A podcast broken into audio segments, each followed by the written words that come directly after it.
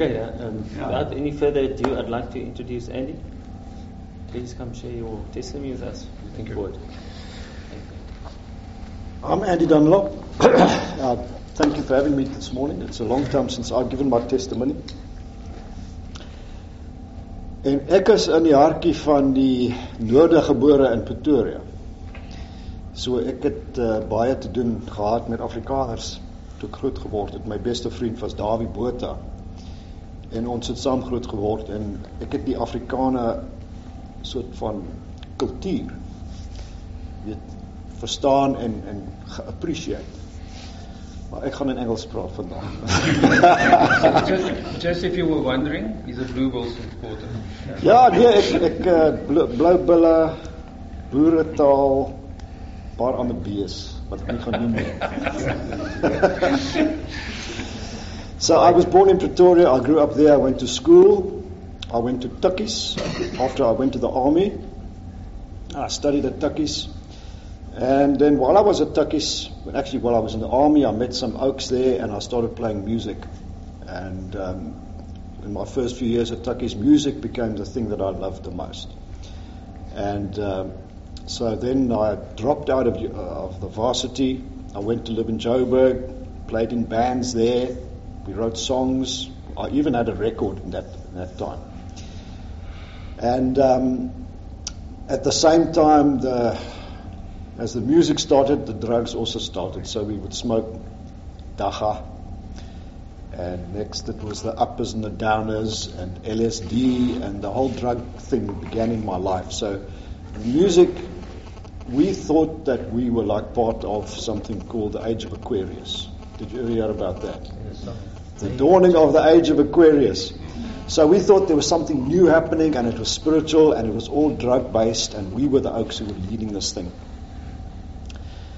Um, and the music and the drugs were always together. You know that song, Sex and Drugs and Rock and Roll?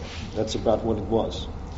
And then in 1973, by the way, I told Albert now, julle moet my ook oom noem, want ek is ouer as hy.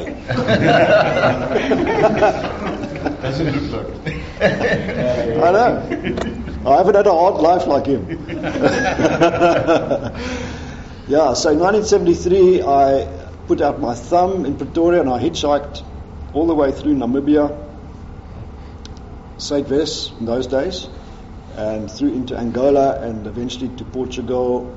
And I hitchhiked up. I ended up in, in London, and there I stayed with some friends and I started the whole music thing again. And before long, I ran out of money, so I had to move out of the rented accommodation, and I started. I became a squatter. So we used to break into houses in London, which were council houses that they bought up if they don't want to let it out to anybody.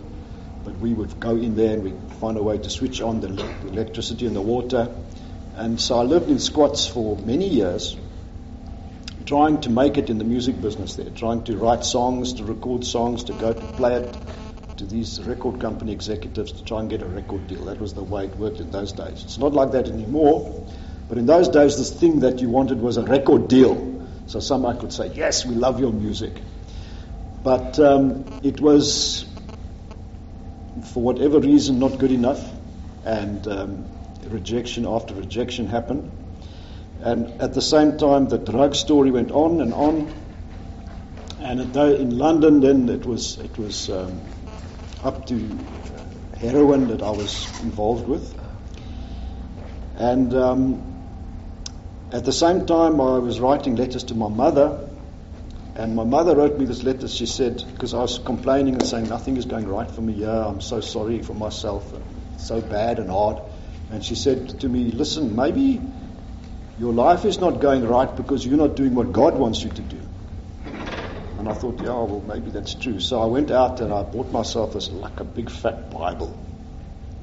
And I thought, if I just read this Bible and if I just obey everything in here, and everything's going to come right in my life. So I read the Bible from the first page to the last page.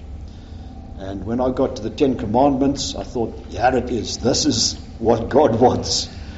And I'm going to just become a strong man. I'm going to obey these commandments. But you know, the harder you try to obey, the harder you fall. It's very difficult to really obey. And so I became more and more depressed. And eventually, you know, the funny thing is, when I was in, in, in London, the people that I was playing music with were all from Cape Town. They were these coloured oaks, lot of coloured oaks whose families had moved because of apartheid to England. And I met them there. And we played and we recorded music together. But there was this one oak called Pete Lewis. And he looked like Jimi Hendrix. He was this big, and he was an amazing guitar player. But he was a heroin addict as well. And one day, I saw him in the road and he said, You know, Andy, sometimes you see a white bird flying in the sky. And then the other day, you'll see a black bird flying in the sky. The next day, all my musical equipment was gone. I had a PA, I had a amplifiers and guitars and microphones and mic stands and just gone. And I know it was Pete. And I know what he was telling me about these birds that fly in the sky. But you know, he was also pretty wasted on drugs. You know, it was so sad. And I suppose it's still going on that you got beautiful, beautiful people who are wasted on drugs. They are crawling through the gutter with a demo tape in their teeth and they think someday they're going to make it, but they never make it. And they just eventually die off because that's what yeah, drugs will eventually do to you.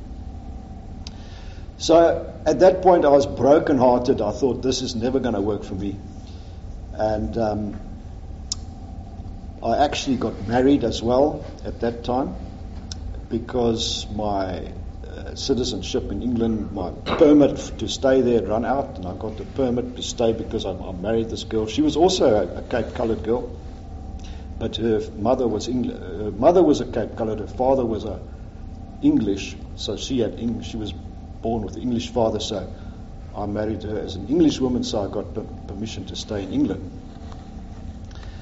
But the marriage lasted about three months, and then I was back on my own.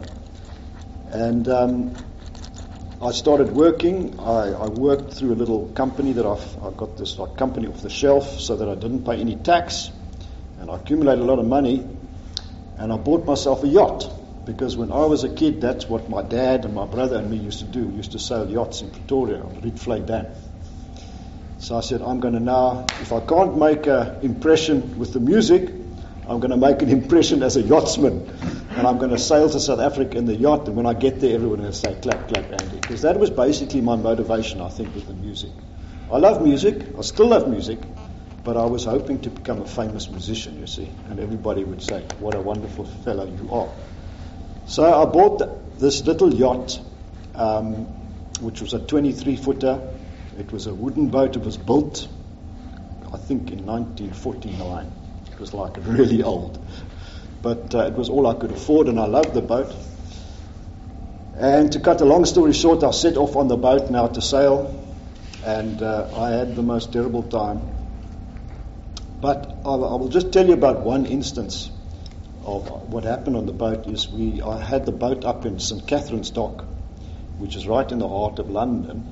And when I got everything ready and I set off the day, and with me was Pete's brother Tony. And I said, "Come on, Tony, you just steer. I'm going to set, put up the sails, and we're riding with the engine." The Thames River is an estuary, right? And when the water is running out of the estuary, you get the stream of the river and the speed of the estuary water and that water runs at about six knots. That's six miles an hour, which is quite fast for a boat.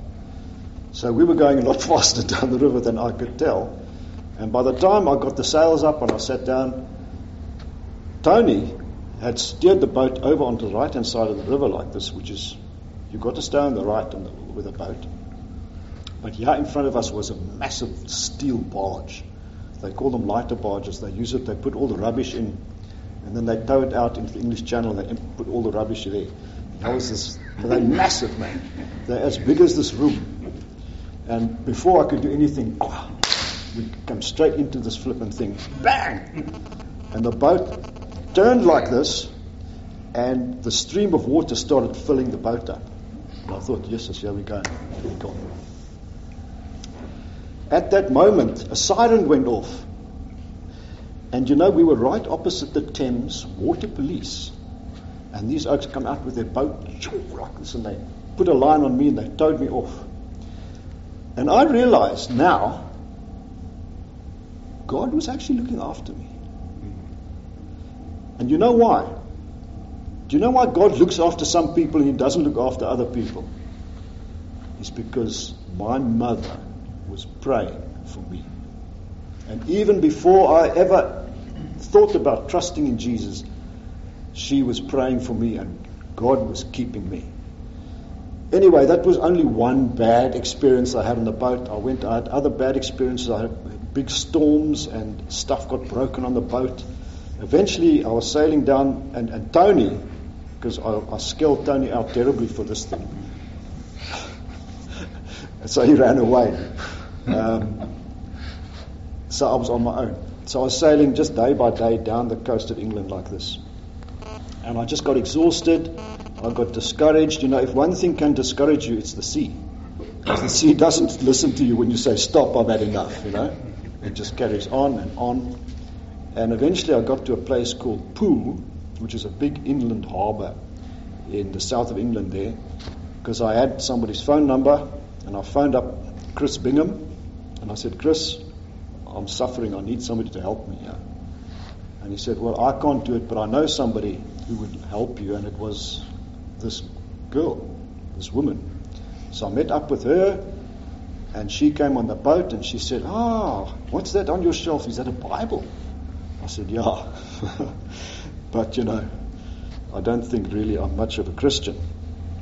And she started telling me all about how she was filled with the Spirit and it was a wonderful thing to be a Christian. And I thought, yeah. But anyway, she took me along to a um, meeting. A meeting a bit like this. They all sat around and they played little songs, and I thought, yeah, this is really weak, you know. But um, when they found out that I, I was not a Christian, they just started telling me about Jesus. And they said, Jesus is this, and Jesus is my best friend I've known, just as if he's another person. And I was thinking, come on, you know, it's all just history. I, I can't understand this. And eventually the, the meeting was over and I got up to leave and um, this woman took out of her purse a little thing called a tract. Do you know what a tract is? It's just a little piece of paper with some stuff printed on it.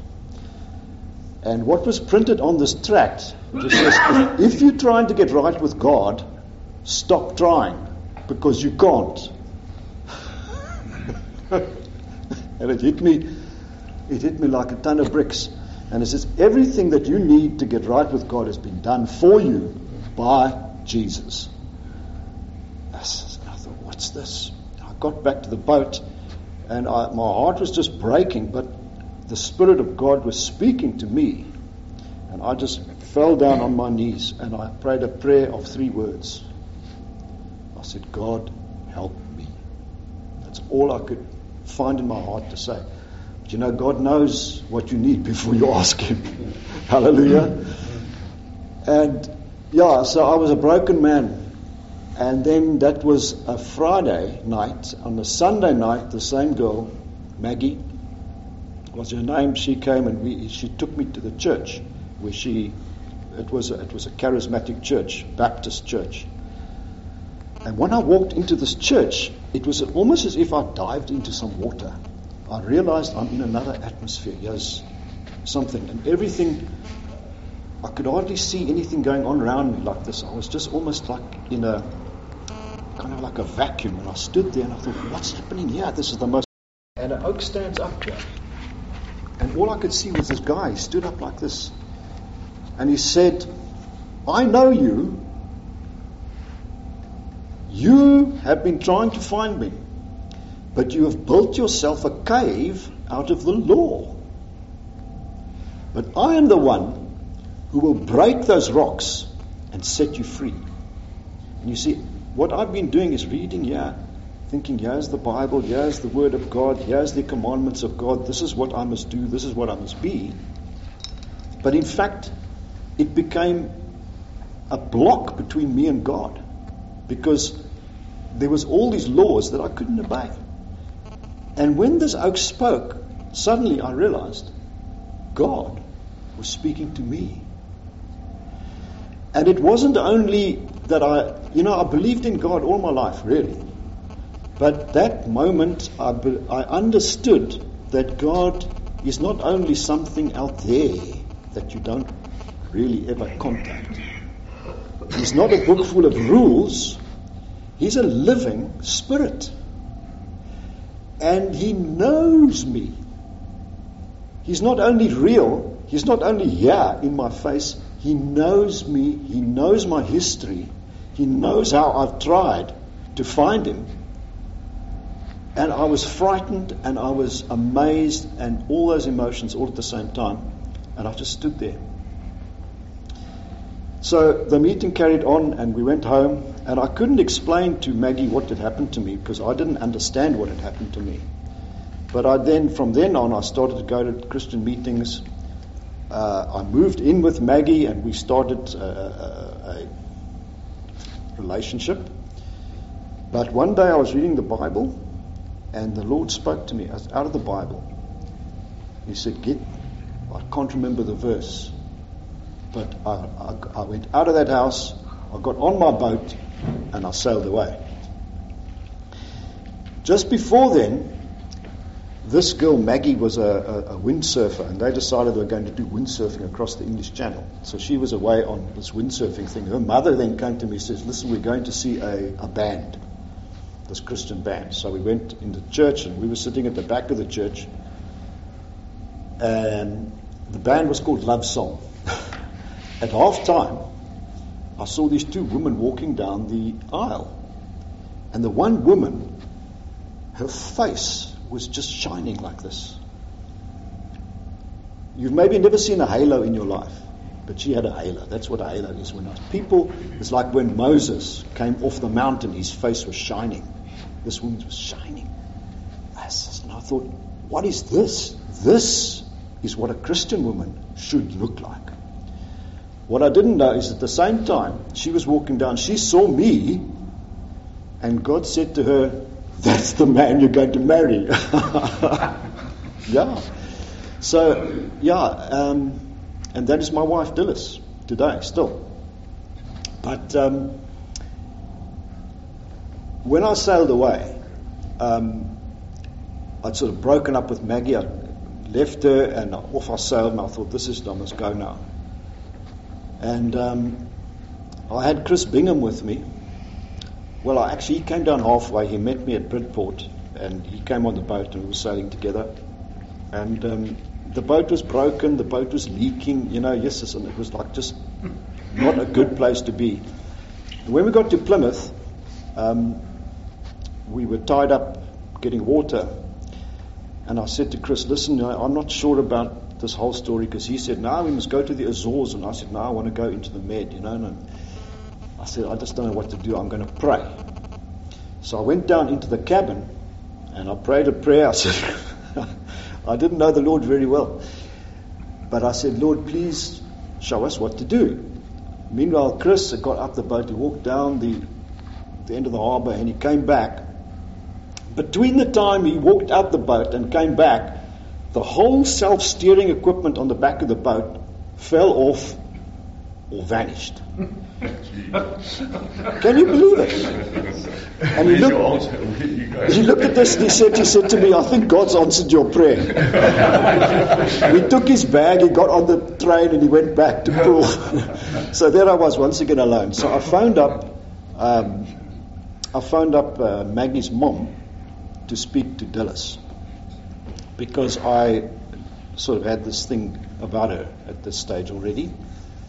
And um, she said to me, I, so I phoned up Dillis, she said to me, God has told me that you need a new jersey, a pair of shoes, da da da da, and he even told me what size shoe you want.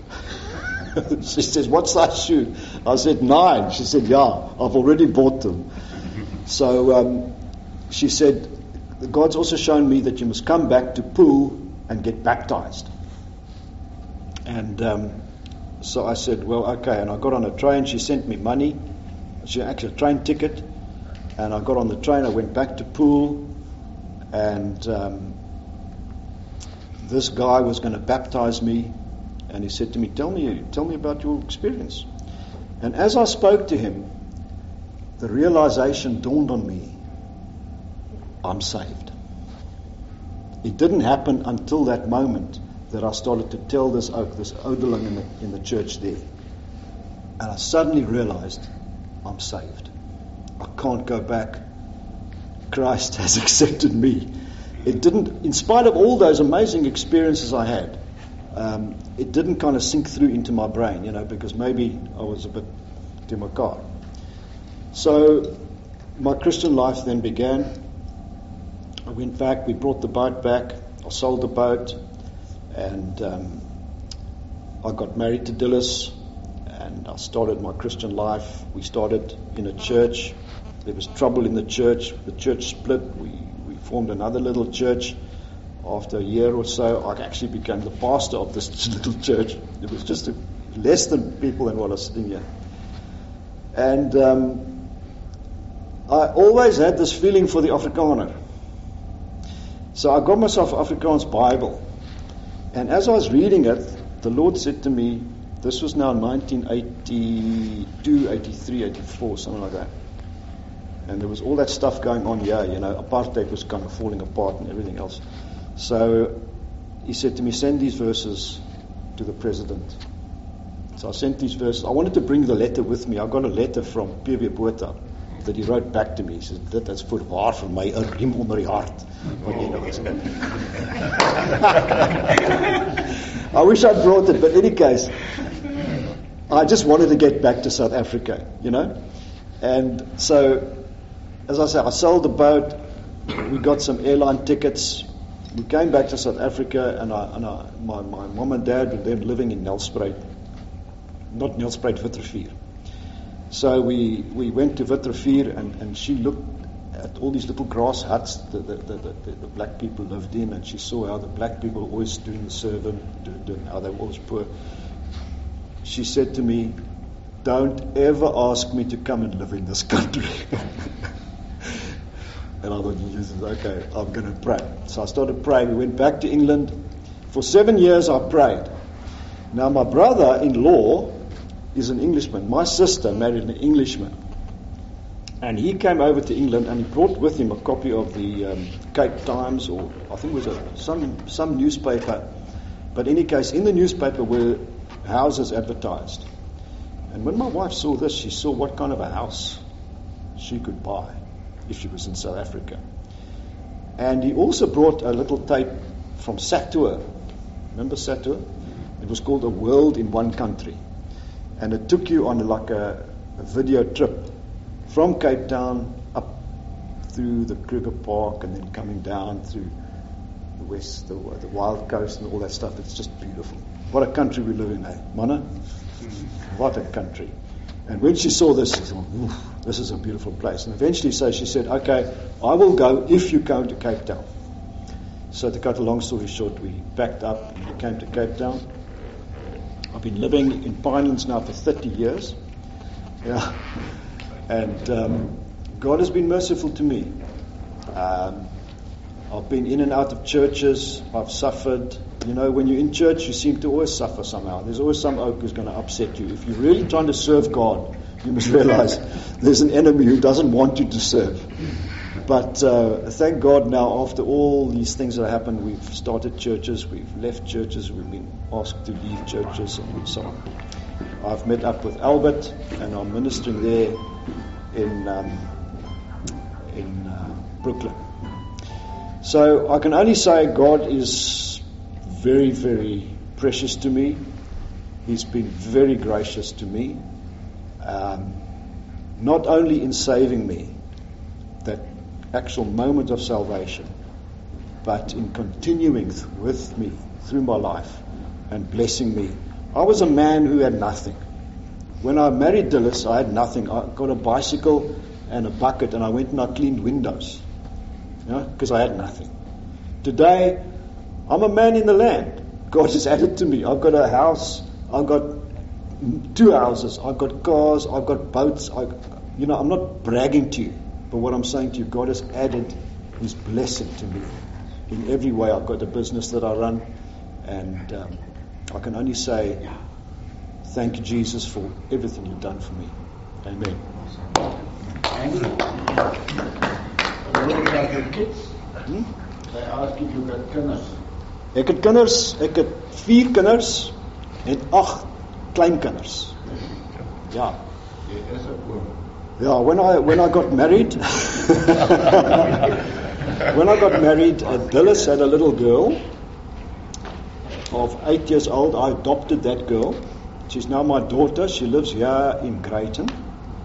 I if you know where Greyton is. She had two sons. I didn't adopt them, but they kind of like my sons. They accepted me. The one is in Australia. The one is in Canada. And with Dillis, I had a baby boy. He is now 30 something. And they've each got two, so there's eight grandchildren. So we don't see those other ones on the other side of the world. But my son lives here in Pinelands with me. He's in the business with me. He's a, he's a techie. He's like very clever. And my daughter is there in Greyton. And they've got a nice house. So I'm, my family is blessed as well, not just me. Yeah, so we can. Um, Andy has prepared some questions for that we can sort of discuss in small groups. But if there's more questions, um, I know you're always a curious bunch. So if you have other questions for Andy, Wat can besigheid ask sê those. jy het jy? Dis sagteware wat ek verkoop in die in die drukbedryf. So ons het 'n sagteware stelsel, wel eintlik meer as een. Maar is dis doel geskryf vir die drukbedryf. So dit in die die die, die cost estimates, job tracking, shop floor data collection, al daai goed. Alles wat 'n drukbedryf benodig. Dit is die stelsel wat ons verkoop, ja. Jy het 'n interessante naam, ek so grappie gehoor.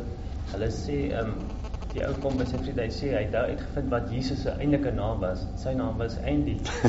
okay, you know that one. Ja, dit's Well, tell him how, how you managed to work that out. God's name is Andy. How do you know this, his name is Andy? Well, we sing that song, Andy Walks With Me, Andy. that wasn't discussed, that's prophetic.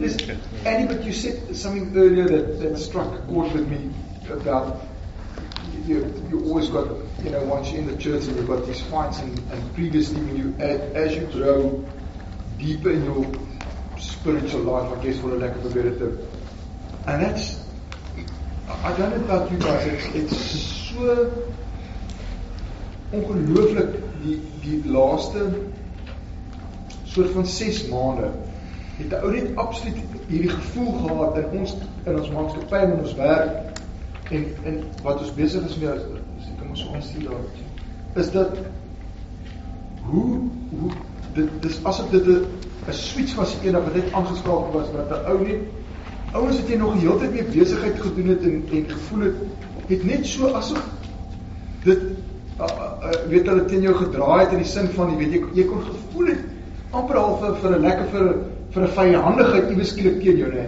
en ek het net besef eenoggend as 'n ou Bybelstudie doen weet ek het eenoggend besef dit is aanvalle. dit is absoluut aanvalle. Ek het hierdie gevoel hierdie hierdie die hierdie spiritual warfare wat ouens O, ja. altyd so van praat en ou nooit ligtelik wat ou opvat maar regtig wat ek baie keer stil is dat hy ook kan dat hy ook kan voel dit is 'n bonatuurlike fight wat aangaan weet en dat hy ou elke keer as ek aan dink dan dink ek weet okay ek is aan die regte kant weet hy ou net dis iets wat gebeur maar dit is dit is my absolute die afgelope veral hier oor Nuwe aan Kersfees is dit 'n gevoel wat ek ervaar het van hierdie absolute aanvalle teen jou en dat 'n ou net moet weet sterk staan. So ek ek dink nog deel met julle twee het daaroor gepraat maar dit is iets absoluut wat uh uh en asseblief bid vir my de uh, as julle as julle daar as julle dit onthou.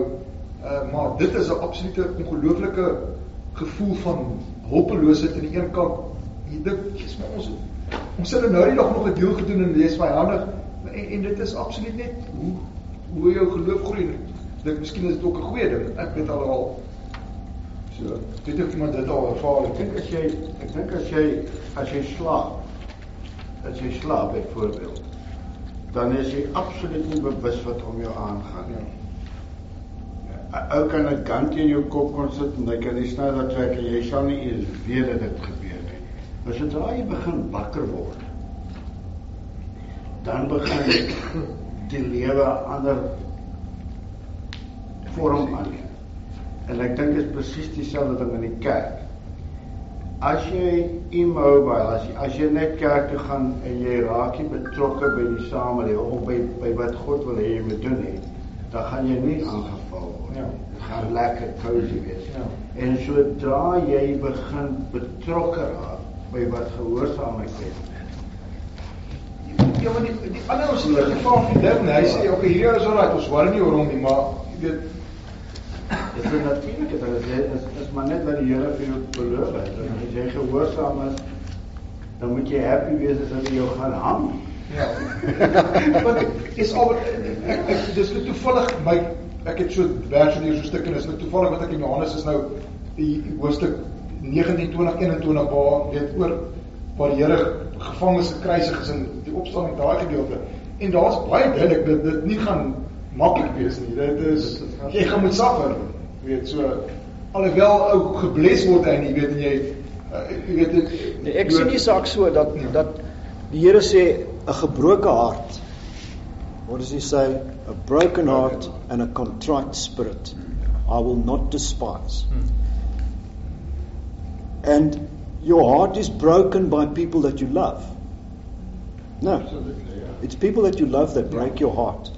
So that it's often people in the church that break your heart. But when your heart is broken, it's also open. And God can come and do work in your heart that He can't do when it's hard, confident, egotistical, and as Albert said, in fact, spiritually you're sleeping. Sleeping, yeah. So it's not, you know, Peter says, think it not strange when all these things happen to you. It's actually, I think you've said it already, it's, it's normal for somebody who really, really in their heart wants to serve God. We can serve God through religion, like I did all my days, and I never found Jesus. But He broke me. He broke me physically, He broke me mentally, and eventually He broke my heart. And that's when He revealed to me how much He loved me and changed me, changed my life.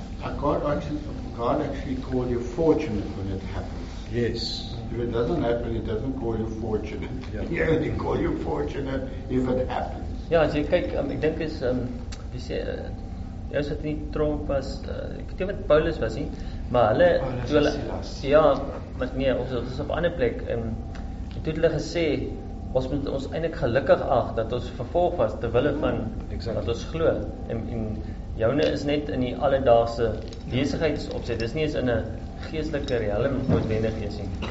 En hulle het gesê ons ons Hulle het geëerd gevoel dat hulle kon vervolg wees as gevolg van hulle geloof in in in Jesus. Ja, nee. Ek voel dit al ooit gevoel as 'n ou sonnog sonoggend kerk toe gaan mooi bly Julie. Iewes klik alles loop reg en daai 15 minute voor op die kerk gaan iewes klik se hel los en Ja. kinders is nie aangetrek nie en Ja. Maar Marian, weet jy, um, cheers. Uh um my vriende van my skoonma is, is pastoor by 'n kerk, nee. Hy sê hy en sy vrou ry apart kerk toe. Ja. Hy sê die duiwel nee, nee, maar dis rarig. Hy sê die duiwel kom lustig. Wanneer hulle saam ry. Hy sê dis 80% van die tyd dan sit hulle vas oor iets. Ja. Hy die bloute uit. Hy sê daar hulle ry apart en dis wat hulle deur die jare gekry het wat hulle Ja. Pastor number three, what do you think about using tracks to witness to people? It would be interesting to hear your view. Well, it was part of the way God used to save me. Yeah. And you don't see them anymore. You know, you don't see tracts anymore. But when I first got saved, there was a lot of tracts going around. You could go and buy them. Maybe you can still buy them. Mm. And one of the things that we, what we did in the church in England was you had a pocket full of tracts. You had, you could wherever you went, you had a tract with you, just in case you meet somebody, and you can say, "Read this." I think social media has taken a lot of that because there's there's good positive inspirational Yeah, but then the guy's got to go to that site. Mm-hmm. You, know, you can't you can't so much give him something that he will read. You can maybe give him a, a web address, perhaps. Well, something like WhatsApp, or I, I know that in in um, the Middle East, they they use let's call it electronic versions of that because it's an easy way to connect to someone. So, so uh, I think it's just changed a little bit, but you're right. It's it's been replaced in, in social media and inspirational clips and stuff. Tracks is a very good medium. Social media will never do it because I don't think anybody has got that much time to send so many little messages. They send it to Christians, but they won't send it to unsaved. A track's meant to reach the world. It's a very good medium. I remember when I started working for God, I gave out millions of, not thousands, millions of tracks. And now? it's, it's, it's a medium of connection. You, you walk in the streets and you just give a track and you can say Jesus loves you, even if he throws away the track. It's still preaching the gospel. It's, it's, a good medium. Andy, there's a there's a wonderful store around the corner actually over here. A lady that runs that and funds it. So it is still available. They do still do them. Still available, yeah, just round round the corner from us and in different languages obviously. Yeah. That's the whole thing that it was in different languages so you can reach yeah, uh, like brothers and sisters and everyone else in different different angles, you know, Yeah. in that. Uh, With No, I- interesting questions and, and, and statements. So and it's something that I think we should be using more. I think we could use it more. You don't see it anymore. In uh, Victoria, the, the only people that still use the tracks are the Jehovah's Witnesses. Yeah. And they, and they, they, Why would they only make it use by- it. They Oh, only and- use it. Bye-bye. But that's a fact. Which place are you speaking? And this is a non-religious question. All these guys here are great guys. He's the first greatest and then takes and then it goes from there. It's more than that. So they're all fishermen. He asked me, do you have- still have a boat? Me? Yeah. Yeah, yeah. Okay, so you invited when to go fishing. Because we got someone else that's got a boat that engine went to go stoplight. Yeah. I've got a boat with no engine and no sails, and maybe we'll just pull it behind. It's a dinghy. En die sal jy nog of is dit nou spits? Nie baie nie. Nee. So maar jy het 'n sailboot. Dis 'n seilboot, ja. Okay. Okay. Daar by die ja. Dis 'n houtbaai. Okay. Mooi so. En die en die um, tracks eh, het jy net Dit het net van my lewe in 'n dag verdwyn. Die die lus vir drugs en ook rook en ook drank. Soms so. Het stadig terugkom. nee, ek jok maar. Uh ek rook nie, maar ek ek ek neem 'n drankie. Uh nou dan. Number one. Oh, the wife? Number one, you write here some prayers. Windows and help. Sorry, what is the question? Ek moet ry. Prayer. Yeah. I, I, I know. When I got saved, I phoned up my, my, my home. They were already, my dad picked up the phone. And I said, Dad, I've got saved. And he said, Wait, wait, wait, just speak to your mother. and you know what my mother said? Do you know what she said? She said, I knew this was going to happen. Yeah. So dis is die gebed van geloof, nê. Nee. Ja, ja. That's the prayer of faith. She knew if she didn't give up praying, the day would come that Jesus somehow would find me. And, and it's one of the prayers that you can be guaranteed that you're praying in the will of God because it's God's will to save every person. Yeah. So if you've got a friend or a son or a daughter or anybody, don't give up because there you go. It is straight in God's will, but you must pray with faith. Hallelujah. Thank you for my mother. She's gone now to be with the Lord. Do you know when she died, she was so weak with cancer that she had, she couldn't even lift up her hand. They had to feed her with a spoon. And she was lying there and having a breakfast. They were feeding her the porridge. And all at once, she lifted up this hand and she pointed to the ceiling like that and she said, Oh, look, they come for me. Sure. And she died. It's a great encouragement to me that she, mm. I've heard it with other people, but my own mother, in a vision or whatever it was, she saw the angels coming to fetch her. You know, my brother, when my brother died, when my, my family were there, and just before he died as well, he spoke to my sister and he said, Stinny, can jy hoor? My sister says, wat? Sy sê, kan jy nie hoor hoe mooi sing hulle nie? Pragtig. Ja, en then he died. Ja. Okay, Andy, thanks a million.